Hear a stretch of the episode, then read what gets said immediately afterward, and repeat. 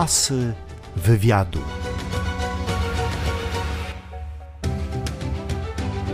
Nie lubię słuchać swoich piosenek, natomiast bardzo lubię słuchać cudzych, bo wtedy widać, że jestem dobry. Cytat z Jana Wołka. Można powiedzieć skromność cnotą dziewczęcia. Nie, no ja jestem zdystansowany do tego. Proszę Pani, wsz- wszystko za dobry żart. Tak to należy traktować.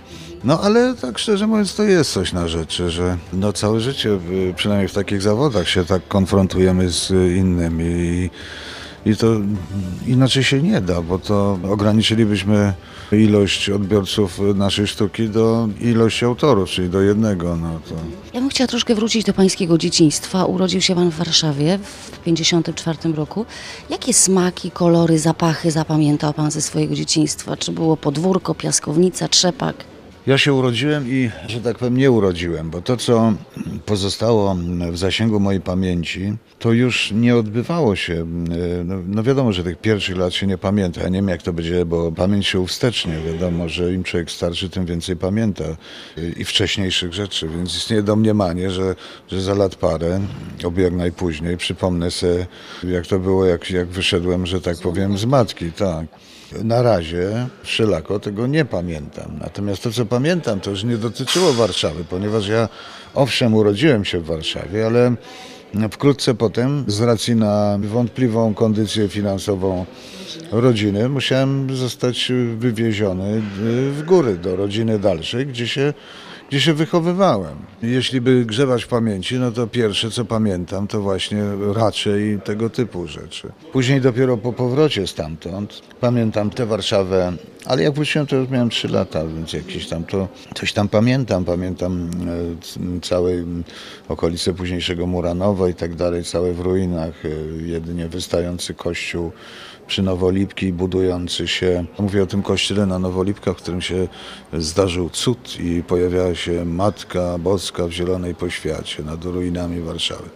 No i ten pył i te jeżdżące furmanki, głównie ciężarówki i pierwsze autobusy francuskie, które się nazywały chausson i tych bidnych ludzi, i te ścieżki między gruzami, i pawiak, który jeszcze był w ruinach, z takim wzgórkiem, na którym jeszcze stało drzewo, na którym wieszano ludzi, i co chwilę zdarzały się jakieś sensacje, że ktoś znajdował jakieś to. Zresztą to był nagminny temat wówczas, bo to no, ostatecznie nie tak dawno się ta wojna skończyła, więc y, ciągle jeszcze znajdowano jakieś niewypały, więc ciągle instruowano nas, dzieci, nie buszować w gruzach, nie szukać.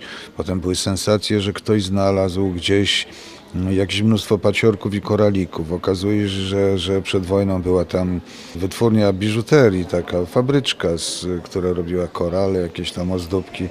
No i całe mnóstwo, to, to ktoś do szkoły przynosił jakieś naboje, coś, to, to tak wyglądała ówczesna Warszawa. Ja patrzę na siebie dzisiejszego, siebie, który mam dziecko i który całe życie się ni, niczego nie bałem za bardzo, a teraz się zacząłem bać przez tego gówniarza, mówiąc ściślej o niego, oczy mam naokoło głowy i próbuję sobie przypomnieć siebie z tamtego czasu. Że mama tak się bała o pana, tak? Ja nie wiem, bo myśmy się nigdy y, na ten temat nie rozmawiali, ale, ale przecież nie było tak, bo moi rodzice do końca życia swojego i ojciec i matka nigdy nie stali się posiadaczem samochodu ani czegoś tam. Całe życie przemieszkali w tym jednym domu, na jednym mieszkaniu na Muranowie. Codziennie rano wychodzili do roboty na godzinę ósmą, a mnie wieszano klucz na, na szyi, na sznurku, dostawałem śniadanie do śniadaniówki, tornister na plecy i szedłem na piechotę do szkoły. Asy wywiadu.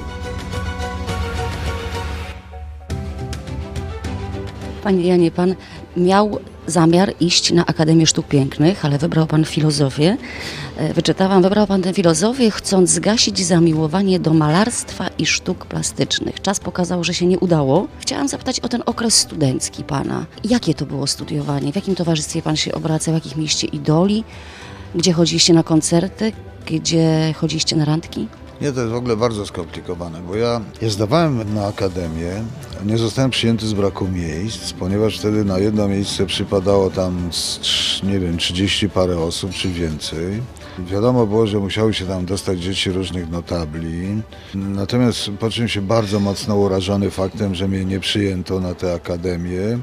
A to najgorsza rzecz, jaka mogła być, to, to iść do wojska. Więc natychmiast siłą inercji zdałem egzamin na coś innego, co, co się tam otwierało. Ale filozofia to trudny wydział. Nie, ale właśnie zupełnie co innego. Ja, ja jeszcze poszedłem na teologię ogólną, czyli na księdza z tego wszystkiego. Na szczęście się, to mi szybko wybito z głowy, a wybił mi to, nawiasem mówiąc, ksiądz z kościoła na Nowolipki, z którym pojechałem e, do Rucianego Nidy rąbać drzewo, z czego żyliśmy wówczas z grupą kolegów. On codziennie, mnie, który jestem niekowalny i nierozciągliwy, odprawiał nade mną jakieś msze i, i, i, i egzorcyzmy, tak, żeby mi wybić ze łba to, że ja, ja zostanę księdzem. No i, i to był właśnie jeden z cudów kościoła na Nowolipki, bo mu się udało to wybić, no ale wojsko wisiało nade mną dalej. Właśnie oto otwierając z powrotem Instytut Filozofii, który był zamknięty po marcu 68 jako jeden z, z że tak powiem, zarzewi buntu. Tam się ustawiła kolejka chętnych, no to ja też stanąłem do, do, do tego egzaminu. Zdałem ten egzamin, tak się zaczęło u mnie. Studiowanie w tym czasie wyglądało... Był jeden cel. Jeden cel. Teraz jest studiować jak najszybciej, jak najgorliwiej, najlepiej kilka fakultetów, poszerzając sobie ilość witryn, w których, że tak powiem, będzie anonsowany nasz geniusz. No i co za tym idzie, drogo sprzedać łeb. Najlepiej jeszcze w czasie studiów. W pańskich zamierzchłych czasach? W moich zamierzchłych czasach pierwszym założeniem było studiować jak najdłużej, ponieważ studiowanie było rzeczą bardzo przyjemną, albowiem otwierało drogę do klubów studenckich. Świadomość przynależności do takiej grupy społecznej, która się nazywa s- młodointeligenckiej, było czymś niezmiernie nobilitującym. Tak jak mi opadali z kolei nam nasi rodzice, z jaką dumą nosili czapki studenckie przed wojną i jak wielką sprawą i jakim wyróżnikiem była ta studencka czapka, która mówiła, ten jest z uniwersytetu, ten jest z Politechniki i tak, i tak dalej, i tak dalej, to dawało nam świadomość, że my nie jesteśmy takimi tępymi y, konsumentami ideologii, którą sączono z, ze wszystkich możliwych punktów. Kluby studenckie dawały względne poczucie swobody, wolności. Wolności wyrażenia myśli, uwag i tak dalej. Na przykład impreza zamknięta czy coś tam, gdzie nie sięgała cenzura, gdzie mogliśmy sobie tam. Oczywiście mm, byli wśród nas ludzie, którzy odnotowywali nasze skłonności ku brakowi pokory i tak dalej, i tak dalej. Niemniej to były miejsca, gdzie można się było wykrzyczeć. Gdzieś ta młodzież musiała się wyszaleć, tak? Można było powiedzieć, że to jest rodzaj takiego miękkiego getta. Władza troszkę mrugała do was okiem. Tu możecie, prawda? Ona do nas nie mrugała. Myśmy sobie to sami musieli dopowiedzieć, rzecz jasna, bo to było traktowane raczej, raczej na poważnie. Ale myśmy to wiedzieli, myśmy wierzyli w to, że teren, chcieliśmy wierzyć, że teren uniwersytetu to jest azyl, że, tam, że nie może tam wejść milicja i tak dalej, i tak dalej. Oczywiście czas pokazał, że inaczej, no ale, no ale ja sam pamiętam takie momenty, kiedy w klubie studenckim się ludzie chowali przed milicją i nagle okazywało się, że naszymi obrońcami są nasi koledzy, którzy byli na bramce i tak dalej, i tak dalej, którzy potrafili powiedzieć, przypomnieć panom, o nie, wam tu wchodzić nie wolno. Zdał pan egzamin przed Państwową Komisją Ministerstwa Kultury i Sztuki i stał się pan dyplomowanym artystą, ale podobno w całym pańskim życiu ani jednego dnia nie przepracował pan na etacie, nie podpisał pan listy obecności. No jest to prawdą, ale to nie znaczy, że jestem nierobem, dlatego że ponieważ łatwiej się znosi obligację, która przychodzi z, z zewnątrz. No bo to jest dira necessitas, okrutna konieczność. No tak się zdarzyło, trzeba ruszyć do arbeitu, prawda, wstać rano. A niech pani spróbuje sama na sobie wywrzeć taką presję. A jeżeli człowiek nie wywrze, no to leży w tym zawodzie, bo to nie dość, że, że nie zarobi, to jeszcze go wysadzą z siodła. Więc y, daleko trudniej jest y, samemu się, się że tak powiem, samobiczować y, tą dyscypliną, której człowiek w ogóle nie ma we krwi. To jest ostatnia rzecz, którą się potrafi. No. Asy wywiadu.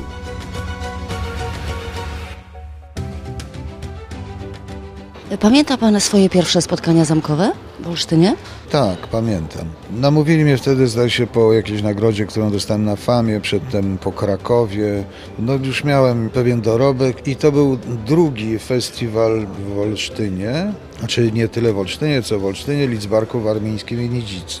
I na Famie zaczęto mnie gorliwie agitować, żebym przyjechał na ten festiwal. Mi się strasznie nie chciało, tym bardziej, że szło za tym pewne ryzyko. Bo zazwyczaj poezja śpiewana była rozumiana jako wiersz uznanego poety, wiersz zbudowany do czytania, a nie do śpiewania, do którego ktoś zrobił muzykę i go, i go zaśpiewał. Natomiast nieznana była taka formuła, że ktoś sobie tam pisze wiersz, pisze sobie muzykę i, i odśpiewuje to. To było obce. Przyjechałem, zobaczyłem, zwyciężyłem.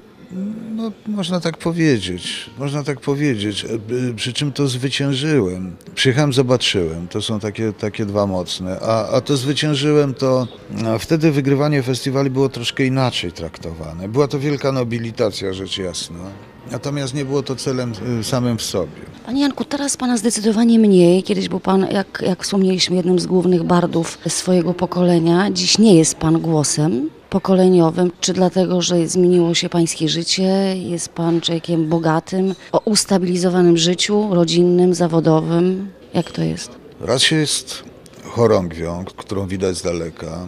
Raz się jest drzewcem, na którym siedzi ta chorągiew, raz się jest chorążym, raz się jest koniem, na, na którym jedzie chorąży. No, jedno bez drugiego się nie może obejść. W momencie, kiedy zdecydowałem, że już nie będę wychodził na scenę, czyli przestanę być chorągwią, a zajmę się tylko pisaniem i malowaniem, no to jak gdyby automatycznie skażę się. No oczywiście tam był jeszcze epizod telewizyjny i tak dalej. Szep, program Szepty Prowincjonalne, tak. No wiadomo jest, że, że to są takie rzeczy, gdzie się żyje, że tak powiem, z identyfikowalności twarzy z nazwiskiem. To przestało być dla mnie wartością. To, to, to było przypisane do pewnych funkcji, które, zawodów, które wykonywałem wówczas. W momencie, kiedy się zdecydowałem, że już tego robił nie będę, no to z automatu wiedziałem, że nie będę czerpał pewnych y, profitów, jeśli to można nazwać profitami. Jak się wyjdzie na ulicę i powie pierwszemu lepszemu człowiekowi, wymień mi trzech autorów, najwybitniejszych autorów tekstów piosenek w Polsce, to nie wymieni. Długo będzie myślał, może wyduka Agnieszkę Osiecką, może ktoś powie o Wojtku Młynarskim i tak dalej. Ale my, my jesteśmy w cieniu, więc o, o tym się nie mówi. Arcymalarz, po- jeżeli nie, nie, nie pokaże gołej albo coś, no to, no to my wiemy, że jest dobry albo zły, prawda? My fachowcy. Ale jeżeli nie jest skandalistą, jeżeli, jeżeli się nie pcha, nie ma parcia, jak to się mówi, na szkło, y, jeżeli nie jest z grupy tych y, wszystkich celebrities, o których już Kochanowski pisał, że pełno ich, a jakoby nikogo nie było, no, no to, to, to nie jest mój świat. Autor piosenki, kompozytor, to nie są ludzie, którym się płaci za to, żeby zamknęli mordy, tylko żeby dobrze pisali, wykonywali swoją robotę i koniec. Jeszcze o malarstwie. Pewnego dnia zorientował się Pan, że tych obrazów, które Pan namalował, nie ma w pracowni. Wtedy zaczęły przychodzić pieniądze z malarstwa? Nie, one zaczęły przychodzić wtedy, kiedy przestały być w pracowni, bo to jest tylko, że z tymi pieniędzmi pozyskiwanymi za, z, obrazy, to, z obrazów to jest tak, wie pani, że każdy obraz sprzedany jest ojcem dziesięciu następnych obrazów, dlatego że to jest, jeśli chce się to wykonywać y, profesjonalnie, w sposób gwarantujący trwałość, ja już nie mówię o sprawach artystycznych, ale czysto technicznych, mówię o alchemii malarskiej no to dobrze mieć świadomość, że to jest bardzo kapitałochłonny warsztat i jeśli się obrazów nie sprzedaje, to nie ma się co brać za tę robotę, nie, nie posiadając przy okazji jakiejś drobnej fabryczki, która zapracuje na nasze fanaberie.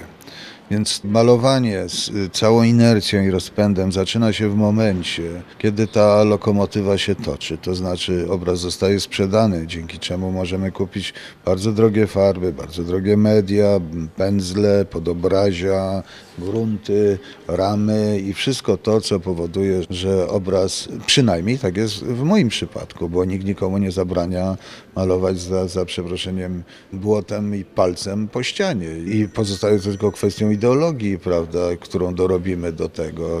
Ale rozstaje się Pan bez, bez problemu ze swoim obrazem? Czy to trochę tak jak... Z problemami, z problemami to się rozstają amatorzy, wie pani. To, tak cię kocham, tak jesteś piękny, mój jedyny, moje dziecko, w tylu bólach i tak dalej. Nie, to ja nie mam żadnych sentymentów, żadnych. Moi koledzy jeszcze stosują taką zasadę połowiczną, że te obrazy, które uważają za turning point y, w swojej twórczości, za coś zwrotnego, istotnego, gdzie, gdzie, gdzie dokonali jakichś odkryć natury warsztatowej czy estetycznej, to starają się zostawić sobie. Czy niektórzy nazywają to matkami albo coś tam. Jak zwał, tak zwał. Dla mnie nie ma matek, nie ma ojców. Obraz sprzedany przestaje być mój i tyle. Nawet nie prowadzę ku przerażeniu kolegów dokumentacji żadnej.